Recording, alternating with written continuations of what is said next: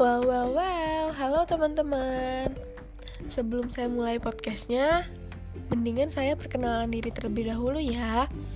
Sebelumnya perkenalkan, nama saya Bella Silvia Febriani. Saya merupakan salah satu mahasiswa semester 5 di Pendidikan Geografi di Universitas Pendidikan Indonesia. Nah, pada podcast kali ini saya akan membahas tentang pembelajaran geografi dengan materi pengetahuan dasar peta khususnya di materi Sistem Informasi Geografi ataupun SIG. Nah, eh, apa apa aja sih isi materinya? Nah, isi materi yang saya akan sampaikan adalah meliputi pengertian SIG dan pengelolaannya serta manfaat SIG dan keuntungan SIG dengan komputer. Nah, langsung masuk aja ya ke intinya. Nah, untuk pembuka awal, kali ini saya akan membahas tentang pengertian dan pengelolaan sistem informasi geografi. Nah, pengertian SIG. Nah, teman-teman sendiri pernah nggak sih atau udah pernah membaca atau mendengar tentang istilah SIG ini sendiri? Nah, untuk awal pemahaman beberapa orang pakar telah mencoba memberikan definisi mengenai SIG ini sendiri. Nah, saya akan sampaikan beberapa definisi SIG menurut para ahli. Yang pertama ada Aronoff yang disampaikan pada tahun 1989 yaitu sistem informasi geografi adalah sistem informasi yang didasarkan pada kerja komputer yang memasukkan, mengelola, memanipulasi dan menganalisa data serta memberi uraian. Sedangkan menurut Linden pada tahun 98 1987 nih. SIG adalah sistem untuk pengelolaan, penyimpanan, pemrosesan, atau manipulasi, analisis, dan penayangan data secara spasial terkait dengan muka bumi. Nah, dari definisi yang sudah saya sampaikan barusan, yang menurut para ahli dapat disimpulkan bahwa SIG ini adalah sistem komputer yang memiliki kemampuan untuk membangun, menyimpan, mengelola, dan menampilkan informasi bereferensi geografis. Misalnya data yang diidentifikasi menurut lokasinya dalam sebuah database. Nah, yang kedua itu ada komponen-komponen dalam sistem informasi geografi nih. Nah, setelah uh, teman-teman tahu menget, uh, tahu dari mana sumber informasi geografi diperoleh, sekarang akan mempelajari tentang apa saja sih komponen-komponen yang ada di dalam SIG ini sendiri. Nah, SIG merupakan produk dari beberapa komponen. Komponen-komponen yang terdapat di dalam SIG itu ada perangkat keras, perangkat lunak, dan intelijen intelijensi manusia atau software, hardware, dan juga brandware. Nah, untuk perangkat keras sendiri atau hardware nih berupa komputer yang berisi yang atau beserta instrumennya atau perangkat-perangkat pendukung lainnya yang terdapat dalam SIG dan diolah melalui perangkat keras. Nah, perangkat keras yang ada di SIG ini apa aja sih? Ada tiga ya, dibagi tiga kelompok ya, yaitu alat masukan atau input, yaitu sebagai alat masukan data untuk memasukkan data ke dalam jaringan komputer. Contohnya seperti scanner, digitizer, atau CD-ROM. Sedangkan untuk yang kedua ada alat pemrosesan, merupakan sistem dalam komputer yang berfungsi untuk mengolah, menganalisis, dan menyimpan data yang masuknya sesuai kebutuhan dari SIG ini sendiri ya. Contohnya ada CPU ada tape drive ada disk drive atau ada hard disk gitu ya Terus yang ketiga itu ada alat keluaran atau output yang berfungsi menayangkan informasi geografi sebagai data dalam processing. Contohnya ada video, ada plotter, ada printer. Nah, e, terus yang kedua atau yang selanjutnya ada perangkat lunak atau software. Perangkat lunak merupakan sistem modul yang berfungsi untuk memasukkan, menyimpan, dan mengeluarkan data yang diperlukan. uh, untuk jelasnya, data hasil dari penginderaan jauh dan tambahan data seperti data dari lapangan dan peta dijadikan dijadikan satu. Menjadi sebuah peta dasar geografi. Data dasar tersebut kemudian dimasukkan ke komputer melalui unit masukan yang tadi sudah saya sebutkan untuk disimpan di dalam disket. Bila diperlukan, data yang telah disimpan tersebut dapat ditayangkan melalui layar monitor ataupun dicetak dengan bahan untuk bahan sebagai bahan laporan dalam bentuk peta ataupun gambar. Data ini juga dapat diubah menjadi untuk menjaga agar data tetap aktual sesuai dengan keadaan sebenarnya di lapangan.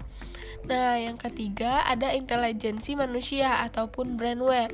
Nah, brandware ini merupakan kemampuan manusia dalam pengelolaan dan pemanfaatan SIG secara efektif. Bagaimanapun juga manusia merupakan subjek atau pelaku yang mengendalikan seluruh sistem sehingga sangat dituntut kemampuannya dan penguasaannya terhadap ilmu dan teknologi mutakhir. Selain itu, diperlukan juga kemampuan untuk memadukan pengelolaan dengan pemanfaatan SIG agar SIG dapat digunakan secara efektif dan juga efisien. Adanya koordinasi dalam pengelolaan SIG dapat diperlukan, sangat diperlukan, agar informasi yang diperoleh tidak simpang siur, tetapi dapat tepat dan akurat. Nah, selanjutnya ada cara mengelola sistem informasi geografi atau mengelola informasi geografi. Setelah memahami komponen-komponen SIG tadi, sekarang marilah kita bahas mengenai bagaimana sih cara untuk mengelola sistem informasi geografi ini. Secara umum, proses SIG terdiri atas tiga bagian subsistem yaitu subsistem masukan data atau input data, yang kedua ada manipulasi dan analisis data, dan juga yang ketiga menyajikan data atau output data. Baik, kita sekarang akan membahas uh, satu persatu dari ketiga subsistem tersebut ya. Nah, yang pertama ada subsistem masukan data atau input data. Nah, subsistem ini sendiri berperan untuk memasukkan data dan mengubah data asli ke bentuk digital yang akan diterima SIG. Semua dasar semua data dasar geografi ini diubah dulu menjadi bentuk data digital sebelum dimasukkan ke dalam komputer. Data digital memiliki kelebihan dibandingkan dengan peta karena jumlah data yang disimpan lebih banyak dan pengambilan kembali lebih cepat. Ada dua macam data dasar geografi yaitu data spasial dan data atribut. Data spasial itu adalah data keruangan yang menunjukkan ruang, lokasi, atau tempat-tempat di permukaan bumi. Biasanya data spasial ini berasal dari peta analog, peta udara, dan penginderaan jauh dalam bentuk cetak kertas. Yang kedua ada data atribut atau deskriptis. Nah, ini data yang terdapat pada ruang atau tempat. Atribut biasanya menjelaskan suatu informasi dan biasanya diperoleh dari data statistik, sensus, catatan lapangan, dan tabular atau data yang disimpan dalam bentuk tabel. Data atribut dapat dilihat dari segi kualitasnya, misalnya ke, ke kekuatan pohon dan juga dapat dilihat dari segi kuantitas, misalnya jumlah pohon. Nah, Selanjutnya adalah subsistem manipulasi dan analisis data. Subsistem informasi ini berfungsi untuk menyimpan, menimbun, dan menarik kembali data dasar dan menganalisa data yang telah tersimpan di dalam komputer. Ada beberapa macam analisa data, misalnya analisa lebar, yaitu menghasilkan daerah tepian sungai dengan lebar tertentu. Selanjutnya, ada anali ada subsistem penyajian data atau hasil datanya yaitu output data berfungsi untuk menayangkan informasi geografis sebagai hasil dari analisis data sebelumnya. Informasi tersebut dapat ditayangkan dalam bentuk peta, tabel, bagan, gambar, grafik, dan hasil perhitungan. Selanjutnya adalah sumber informasi geografi. Nah, ini adalah sumber sumber-sumber uh, informasi geografi. Sumber informasi geografi selalu mengalami perubahan dari waktu ke waktu. Jadi sifatnya dinamis ya. sejalan dengan perubahan gejala alam dan gejala sosial yang ada. Dalam geografi sendiri, informasi ini diperlukan harus informasi yang diperlukan harus memiliki ciri-ciri yang dimiliki ilmu lain, yaitu seperti merupakan pengetahuan atau knowledge dari hasil pengalaman, tersusun secara sistematis, artinya merupakan satu kesatuan yang tersusun secara berurut dan teratur. Logis, artinya masuk akal, dan menunjukkan adanya sebab akibat.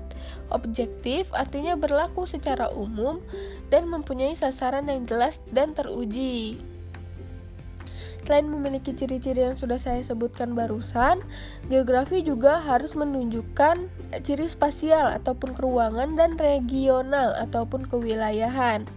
Aspek spasial dan regional merupakan ciri khas geografi yang membedakannya dengan ilmu-ilmu lain.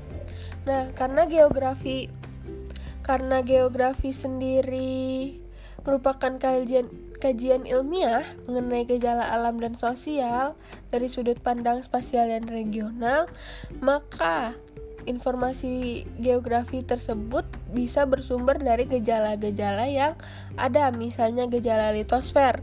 Gejala ini meliputi uh, relief dan topografi Terus ada jenis tanah dan batuan serta pelapisan batuan. Contohnya uh, informasi geografi yang berasal dari gejala litosfer.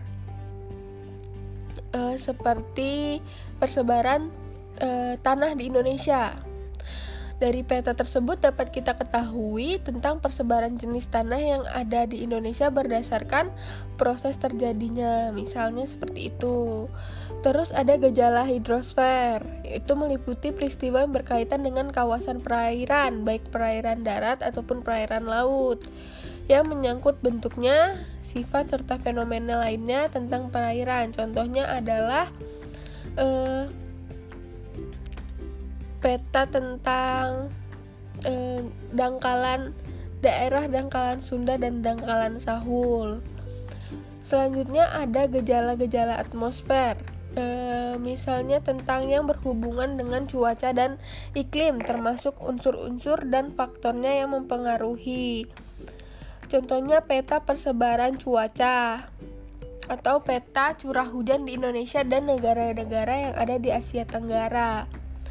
Selanjutnya ada gejala biosfer. Nah, gejala biosfer ini berkaitan dengan tumbuhan, hewan, dan manusia yang sangat dipengaruhi oleh unsur litosfer, hidrosfer, dan atmosfer. Dan ada juga gejala sosial budaya, misalnya yang berkaitan dengan kehidupan masyarakat, antara lain kemajuan ilmu pengetahuan dan teknologi yang semakin pesat. Contohnya adalah e, persebaran objek wisata di Kabupaten Bintan, Kepulauan Riau. Nah, untuk materi selanjutnya yaitu mengenai manfaat dari sistem informasi geografi ini sendiri ya. Nah, materi uh, manfaat sistem informasi geografi ini apa saja sih? Sebenarnya, sistem informasi geografi ini sangat sangat sangat bermanfaat untuk digunakan dalam uh, dalam kehidupan sehari-hari ya ataupun kehidupan e, pembangunan di masa yang akan datang. Karena informasi yang dihasilkan ini merupakan informasi keruangan dan kewilayahan, maka informasi tersebut dapat dimanfaatkan untuk inventarisasi data keruangan yang berkaitan dengan sumber daya alam. Juga kan sistem informasi ini, sistem informasi geografi ini selalu update jadi sesuai dengan kenyataan yang ada di lapangan. Nah, yang pertama, manfaat sistem informasi dalam inventarisasi sumber daya alam. Pembangunan fisik dan sosial di Indonesia, khususnya nih ya, di Indonesia sendiri, kan e, pembangunannya selalu ditingkatkan sesuai dengan meningkatnya jumlah penduduk dan perkembangan kehidupan yang serba kompleks. Perkembangan tersebut lalu mendorong perlunya informasi yang rinci tentang sumber daya alam yang ada di Indonesia yang mungkin dapat diolah dan dikembangkan. Nah, data dari sumber daya alam ini dijadikan modal sebagai bahan baku untuk perencanaan pembangunan dengan seder, uh, secara sederhananya manfaat SIK di dalam inventarisasi sumber daya alam ini adalah untuk mengetahui persebaran berbagai sumber daya alam misalnya minyak bumi, batu bara, uh, emas, besi dan barang tambang lainnya dan juga untuk mengetahui persebaran uh, lahan lainnya misalnya lahan yang uh, kawasan lahan yang potensial dan lahan kritis, kawasan hutan yang masih baik dan hutan yang rusak, kawasan lahan pertanian dan perkebunan, dan juga pemanfaatan pengguna, uh, penggunaan lahan lainnya. Uh, dan juga dapat digunakan sebagai uh, peta mitigasi bencana alam ya, karena uh, untuk pengaw ataupun pengawasan daerah bencana alam, misalnya memantau luas wilayahnya, uh, memantau luas yang akan terkena dari uh, ter atau terdampak dari bencana alam, dan juga pencena pencegahan terjadinya bencana alam di masa depan. Itu yang tadi saya sebutkan tentang mitigasi bencana, dan juga menyusun rencana-rencana pembangunan kembali uh, daerah yang sudah terkena bencana. Selanjutnya, ada manfaat SIK di dalam perencanaan pola pembangunan. Uh, misalnya untuk pembangunan uh, eh, PLTA ataupun pemekaran suatu kota, misalnya perluasan atau pemekaran kota Bandung nih, misalnya. Karena kan pertumbuhan penduduknya selalu selalu naik. Jadi mau tidak mau uh, daerah tersebut pun harus terjadi pemekaran. Nah terus selanjutnya manfaat sistem informasi geografi di dalam bidang sosial. Selain dalam inventarisasi sumber daya alam dan pola pembangunan, SIK juga dapat dimanfaatkan dalam bidang sosial, misalnya um, untuk mengetahui potensi dan persebaran penduduk, untuk mengetahui luas dan persebaran lahan pertanian, serta kemungkinan pola drainasenya. Untuk pendataan dan pengembangan jaringan transportasi, juga untuk pendataan dan pengembangan pusat-pusat pertumbuhan dan pembangunan, serta untuk e, pendataan dan pengembangan pemukiman penduduk, kawasan industri, sekolah, rumah sakit, dan sarana hiburan serta perkantoran. Nah, untuk materi kali ini, untuk materi sistem informasi geografi, mungkin cukup sekian dari saya. Untuk materi lebih lanjutnya, mungkin Anda dapat melihat modul yang sudah saya buat. Di dalam modul tersebut, eh, terdapat contoh-contoh dan juga gambar-gambar peta yang dapat membantu Anda untuk lebih memahami materi sistem informasi geografi ini. Jika ada pertanyaan, boleh menghubungi saya melalui email yaitu bella b e l l a s l v f at gmail.com. Terima kasih untuk perhatian teman-teman semuanya. Mohon maaf bila ada salah kata dan kekurangan. Wassalamualaikum warahmatullahi wabarakatuh.